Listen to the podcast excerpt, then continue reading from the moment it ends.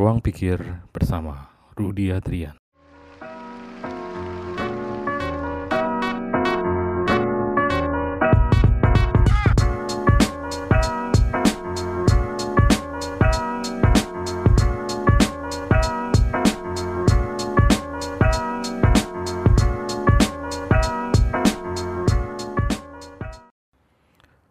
Halo, salam kenal. Saya adalah Rudi Adrian. Saya akan menjadi host Anda di podcast Ruang Pikir. Siapa sih saya ini? Ya, ini pertama kalinya saya punya podcast. Bukan terpaksa, tapi memang ternyata banyak dalam pikiran saya yang saya pengen berbagi dengan teman-teman semua melalui podcast ini.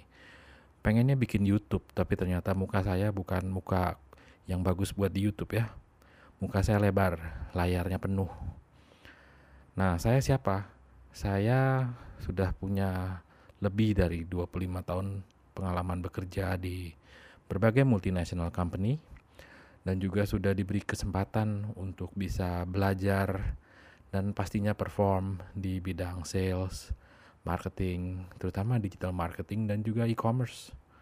Nah, ruang pikir ini adalah wadah saya di mana ternyata saya ini setelah saya realize 10 tahun terakhir saya ini ternyata adalah seorang pemikir ya. Kalau istri saya selalu bilang Rudy itu tinkering selalu mikir banyak yang dipikirin. Tapi ini beda ya sama namanya overthinking. Bedanya di kuantitas kalau overthinking itu mikir satu dua hal tapi lama banget. Ya biasa sih kalau istri saya ngalamin ini terutama kalau lagi pengen beli barang dua-duanya diskon dua-duanya mahal. Nah kalau tinkering, tinkering itu dia memikirkan banyak hal. Karena dia ingin banyak hal itu segera bergerak dan menghasilkan. Nah ini adalah salah satu backgroundnya. Kenapa saya coba bikin ruang pikir. Nah dipikir juga, setiap hari Senin saya tuh pengen cerita satu dua hal yang pastinya saya ingin berbagi supaya bisa ada gunanya buat teman-teman ya.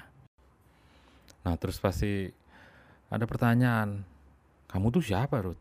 Kok bikin podcast? Bikinnya yang mengenai pikiran lagi. It's about thoughts. It's about thinking. Ya saya ini betulnya sih manusia biasa yang merasa bahwa saya tuh telah melewati banyak hal ya. Dari kecil, dari zaman sekolah. Saya tuh sekolah walaupun saya dilihatnya mayoritas ya kalau di luar sekolah, tapi di dalam sekolah saya ternyata minoritas di mana saya harus belajar banyak bagaimana menjadi minoritas dan tetap bisa ya bisa bergaul dengan yang lain. Selepas dari sekolah saya kuliah. Kuliah juga beruntung saya bisa kuliah di luar di Amerika. Di sana pun jadi minoritas lagi ya. Apalagi orang Indonesia di kota kecil. Kota kecil di tengah-tengah Amerika. Isinya redneck semua yang nggak suka sama orang Asia. Pada waktu itu dipikirnya kayak begitu. Cuma ternyata ya lewat juga. Teman saya juga banyak ternyata dari hal-hal yang saya lewati selama masa kuliah itu juga saya coba bawa ke pekerjaan saya mana saya udah hampir 25 tahun kerja di multinational company ya ada perbankan ada konsultan ada juga produk konsumer ya saya banyak belajar mengenai sales, jualan ke orang. Ada juga belajar soal marketing. Enaknya belajar tapi dibayar ya. Sudah belajar, dibayar, menghasilkan. Akhir-akhir ini banyak melakukan pekerjaan di bidang digital marketing. Nyata banyak juga data-data yang bisa dipakai dan untuk ya menentukan kita tuh mau melakukan apa dan hasilnya kira-kira berapa. Nah, di luar itu nyata saya juga tertarik bahwa otak manusia itu ternyata bisa diatur ya. Saya belajar beberapa ilmu-ilmu baru yang semasa saya kerja tuh saya nggak tahu kalau ternyata hal-hal yang saya lakukan itu ada strukturnya, ada why-nya gitu. Jadi saya belajar yang namanya ya NLP ya, Neuro Linguistic Programming.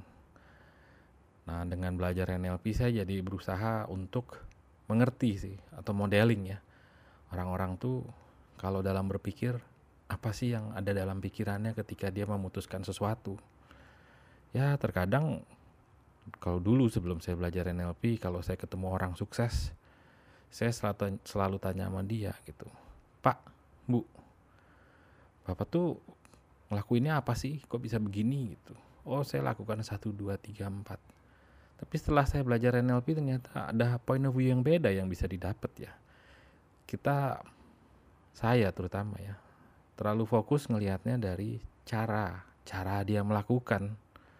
Gitu. Ternyata itu kuncinya agak beda nih. Point of view saya yang baru adalah saya selalu berusaha mencari apa yang ada di pikiran dia ketika dia menghasilkan cara-cara itu. Jadinya yang saya cari itu bukan how, tapi why and what. Karena ternyata itu lebih memudahkan kita untuk memikirkan kenapa kita harus melakukan ini ya. Apa sih impactnya ke kita? Dan apa opsi-opsi yang harus dilakukan supaya kita bisa mencapai apa yang kita ingin capai. Nah, dari cerita itu saya menemukan juga banyak cara-cara yang mungkin saya bisa bagikan di sini membantu untuk ya teman-teman sekalian bisa mencoba setidaknya cara-cara yang berbeda, terutama menyangkut bagaimana pikiran bisa mengatur apa yang kita mau lakukan ke depan. Selain itu juga membantu apa yang harus dilihat, apa yang harus dirasakan. Ya, setidaknya sebagai manusia bisa kalau dalam bahasa kerennya nih, expect the unexpected gitu. Jadi membantu kita untuk lebih peka, lebih sensitif. Kalau mau peka sensitif ya pertama-tama pasti tentang diri kita ya bukan tentang orang lain dulu. Kalau kita aja belum peka sama diri sendiri, ya gimana mau peka tentang orang lain. Gitu. Jadi ya itu saya pelajari banyak ya dalam hidup saya ini. Saya sebagai uh, seorang karyawan pernah jadi single contributor, nggak punya tim, pernah jadi tim leader tim kecil. Sekarang juga beruntung bisa dapat tim yang besar banyak belajar mengenai karakter orang, banyak belajar juga bagaimana membantu atau mensupport mereka untuk mereka bisa berhasil. Nah, jadi ruang pikir ini saya bikin ya untuk membagikan pandangan-pandangan, pemikiran-pemikiran saya maupun pengalaman-pengalaman terutama dari point of view saya selama ini. Dan harapannya kalau saya tuh pengennya disiplin ya. Jadi saya akan program di otak saya setiap hari Senin, ruang pikir harus diisi karena teman-teman ingin dapat ilmu yang baru. Gitu. Nah, sekarang lagi zaman WFH. Waktu di rumah makin banyak. Ya, kalau yang pinter-pinter ya, WFH itu dia bisa bagi waktu, jam kerjanya teratur ya, bangun pagi, jam 5, jam 6 udah selesai kerja, setelah itu belajar sesuatu yang baru. Karena kapan lagi? Dulu kerja di kantor, bilangin setiap bulan harus punya satu hari kerja di rumah sekarang pandemi, boom, dapet tuh.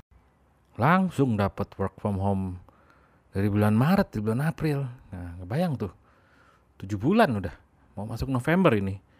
Beberapa kantor malah udah bilang, ini akan tetap WFH sampai bulan Februari, bulan Juni. Kita nggak pernah tahu ya. Yang penting kita tetap fokus pada pekerjaan kita, tetap fokus berkarya ya, tetap fokus menghasilkan juga jangan lupa.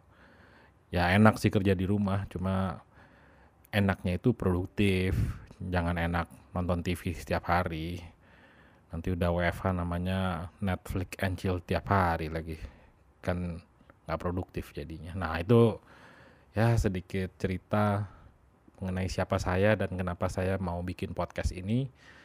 Mudah-mudahan tiap hari Senin saya akan selalu berikan ya pemikiran-pemikiran baru atau mungkin pemikiran lama tapi cara lihatnya baru menurut point of view seorang Rudi Adrian karyawan ya entrepreneur calon coach sukses nah kalau ada yang mau ditanya atau ada topik ngobrol sama saya gitu di podcast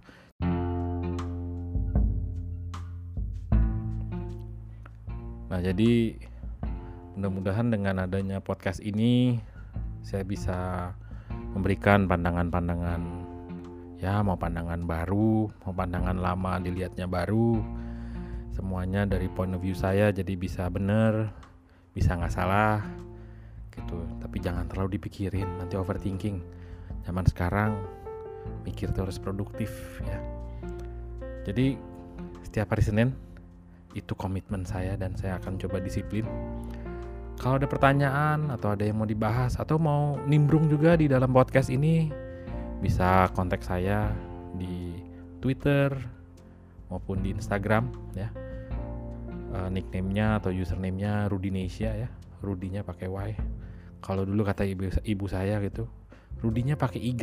Saya masih nggak nemu tuh Y itu dari mana ya bahasanya. Gitu. So enjoy. This is my first podcast episode.